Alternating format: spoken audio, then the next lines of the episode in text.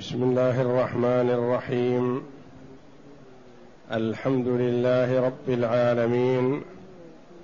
والصلاة والسلام على نبينا محمد وعلى آله وصحبه أجمعين. وبعد. بسم الله. أعوذ بالله من الشيطان الرجيم.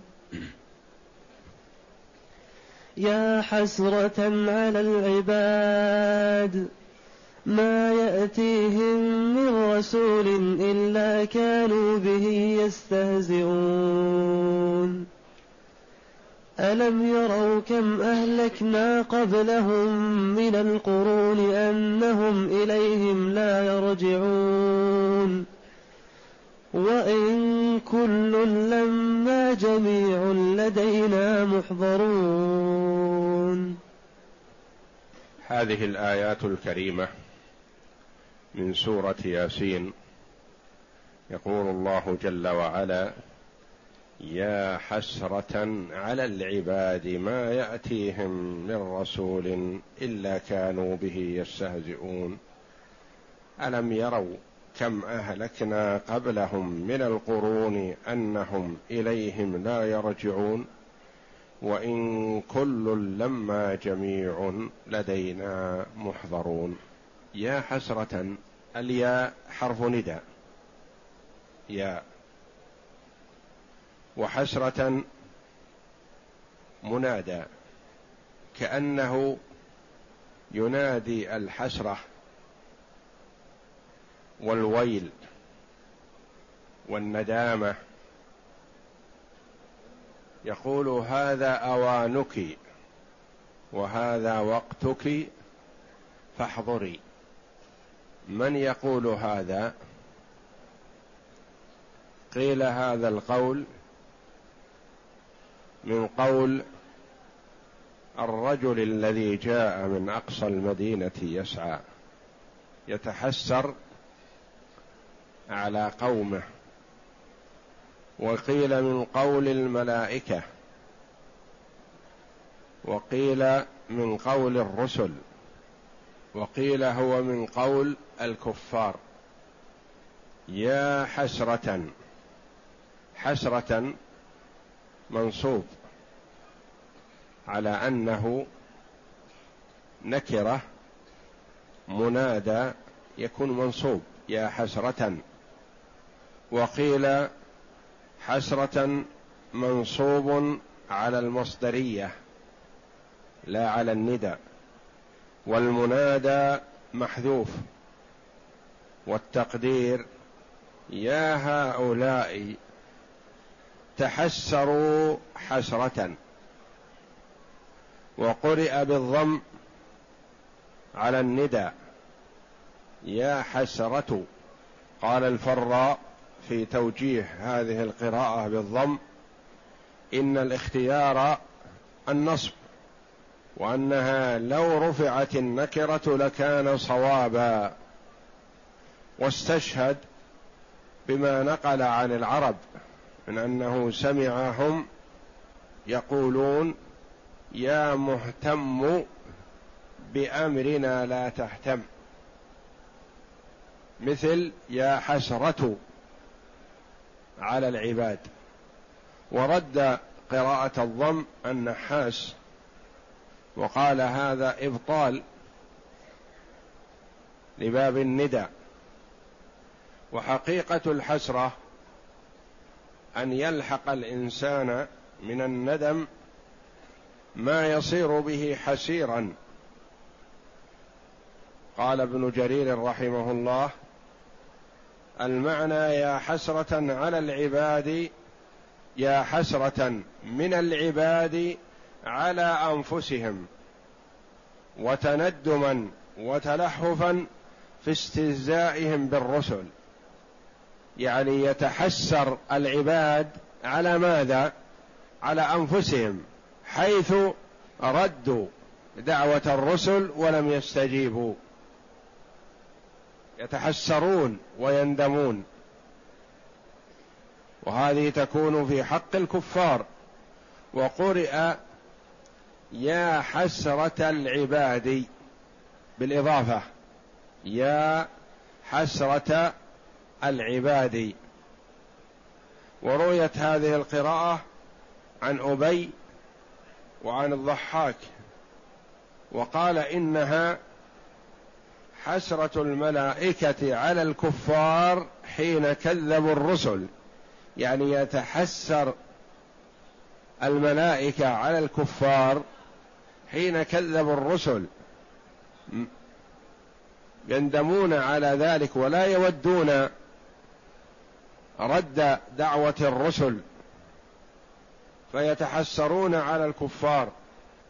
وعلى قول أن المتحسر هم الكفار يقول يا حسرة على العباد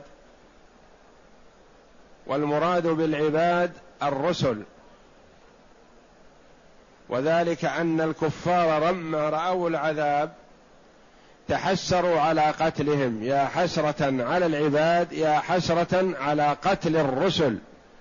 عباد الله الرسل الذين أرسلوا إليهم فالكفار يتحسرون على قتلهم الرسل على ما فعلوه. قال ابن عباس رضي الله عنه أي يا ويلا للعباد. وعنه قال الندامة على العباد يوم القيامة. وألف العباد على هذا القول للجنس. وقرئ يا حسرة كما في سورة الزمر يا حسرة على ما فرطت في جنب الله وإن كنت لمن الساخرين. هناك الكافر يتحسر على نفسه حيث كذب ولم يؤمن بالرسل. يا حسرة على العباد ما سبب الحسرة؟ قال جل وعلا ما يأتيهم من رسول إلا كانوا به يستهزئون.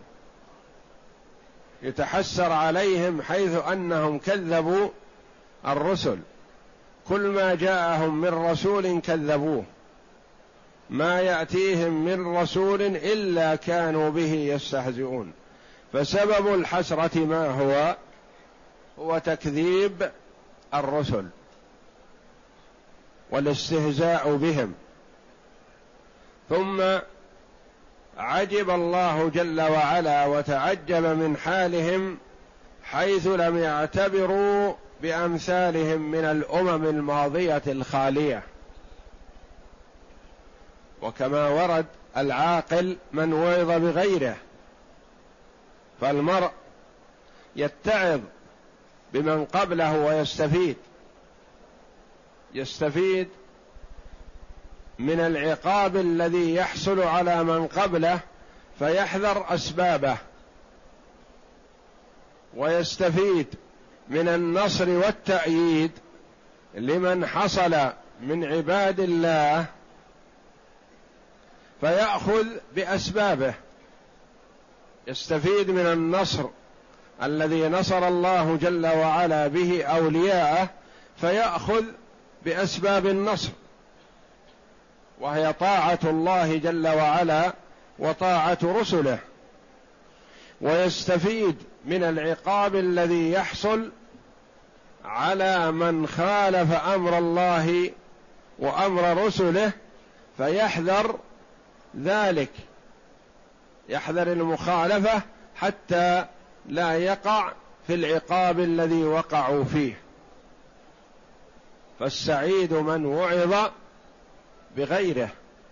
ألم يروا ألم يعتبروا ويعلموا لأنهم الشيء حصل ومضى على من قبلهم. فليس رؤية بصرية وإنما رؤية علمية. ألم يروا كم أهلكنا قبلهم من القرون؟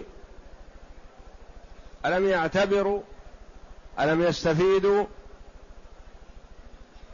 والاستفهام هنا للتقرير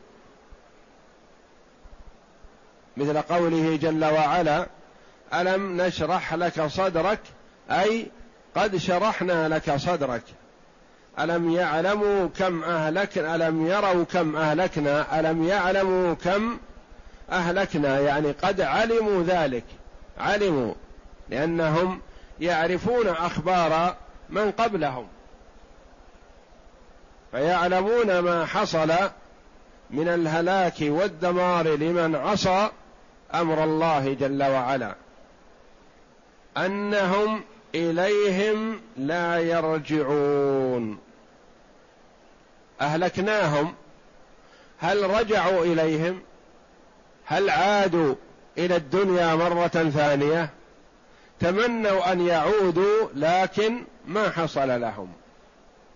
المهلكون من قبل تمنوا العودة. هل عادوا؟ أنتم يا كفار مكة مثلا. ستتمنون العودة ولن تحصل لكم. فما دمتم الآن في دار المهلة فآمنوا بالله ورسله. فالإخبار عن أولئك المهلكين بانهم لم يعودوا حث لمن كان على قيد الحياة أن يفعل الخير قبل أن يتمنى العودة فلا تحصل له. لأن أولئك تمنوا العودة لكن ما عادوا. أنتم في دار المهلة فقبل أن تتمنوا العودة اعملوا ما تريدون أن تعملوه لو عدتم. اعملوه الآن. أنهم إليهم لا يرجعون. إخبار عمن سبق بأنه لن يرجع ولم يرجع. فأنتم أيها الناس ما دمتم على قيد الحياة فاعملوا الأحوط لكم والأنفع. اعملوا الذي تريدون أن تتمنوه في المستقبل. أنهم إليهم لا يرجعون. قال بدل من أهلكنا على المعنى. ألم يروا كم أهلكنا قبلهم؟ هؤلاء الذين أهلكناهم أنهم إليهم لا يرجعون. يعني ما رجعوا. قال سيبوي رحمه الله أنهم إليهم لا يرجعون أي بدل من كم؟ لأنها خبرية وليست استفهامية. فلذلك جاز أن يبدل منها ما ليس باستفهام. والمعنى ألم يروا أن القرون التي أهلكناهم أنهم إليهم لا يرجعون؟ ألم يروا ويعلموا حال من أهلكنا من قبل هل رجعوا؟ لا. لا يرجعون إليهم. وقال الفراء كم في موضع نصب من وجهين؟ لأن هناك عاملان كل واحد يريدها. ألم يروا كم أهلكنا؟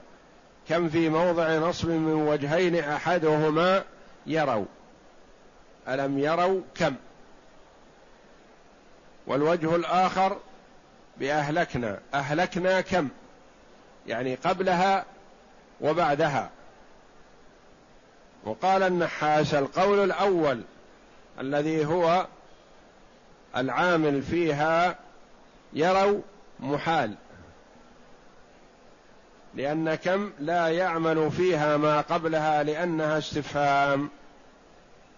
ولكن الذين أجازوا عمل ما قبلها فيها قالوا لأنها خبرية. أنهم إليهم لا يرجعون. وإن كل لما جميع لدينا محضرون.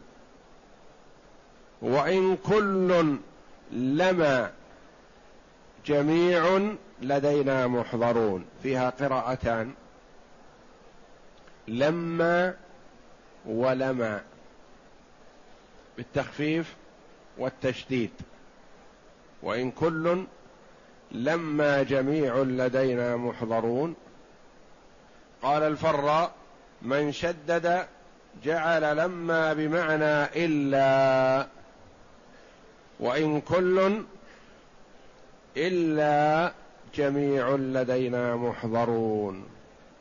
مع التشديد تكون إن هذه النافية.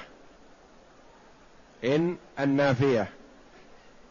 ولما بمعنى إلا. ما كل إلا جميع لدينا محضرون. ومن خفف جعل إن هذه المخففة من الثقيلة المؤكدة. وجعل اللام لما لما. اللام في لما الفارقة بين إن المخففة وإن النافية وما زائدة على هذا صلة.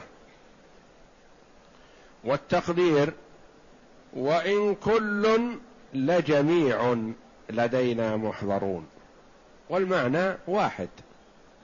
كل إثبات الحضور إلى الله جل وعلا. وإن كل لما جميع وإن كل لما جميع لدينا محضرون. محضرون بمعنى حاضرون. مردهم إلى الله جل وعلا وقادمون عليه في المحشر. وقيل معنى محضرون معذبون. وإن كل أي كل الكفار الذين ردوا دعوة الرسل لدينا معذبون. والأول أولى لأنه يشمل جميع الخلق جميع العباد من الجن والإنس. إن كل لما جميع لدينا محضرون يحني يحضر الجميع في عرصات القيامة. وفي هذا وعيد وتهديد للكفار وفيه تأنيس للمؤمنين بأنك أيها الكافر تعصي من تعصي تعصي من ستقدم عليه. تعصي الله الذي مآلك إليه. فهذا في وعيد. وفيه تأنيس للمؤمن بأنك تطيع الله وتعمل بطاعة الله الذي ستقدم عليه. لن يضيع عملك. عملك محفوظ عند الله تجده حين قدومك عليه يوم القيامة. وعندنا مؤكدان كل وجميع. قال العلماء رحمهم الله كل أشير بها لاستغراق الأفراد وشمولهم. يعني كل الأفراد سيحضرون عند الله جل وعلا. وجميع أشير بها لاجتماع الكل في مكان واحد وهو المحشر أرض المحشر. وهذا لا شك فيه بأن العباد كلهم لن يتخلف منهم أحد وأن كلهم سيجتمعون في مكان واحد في عرصات القيامة أرض المحشر.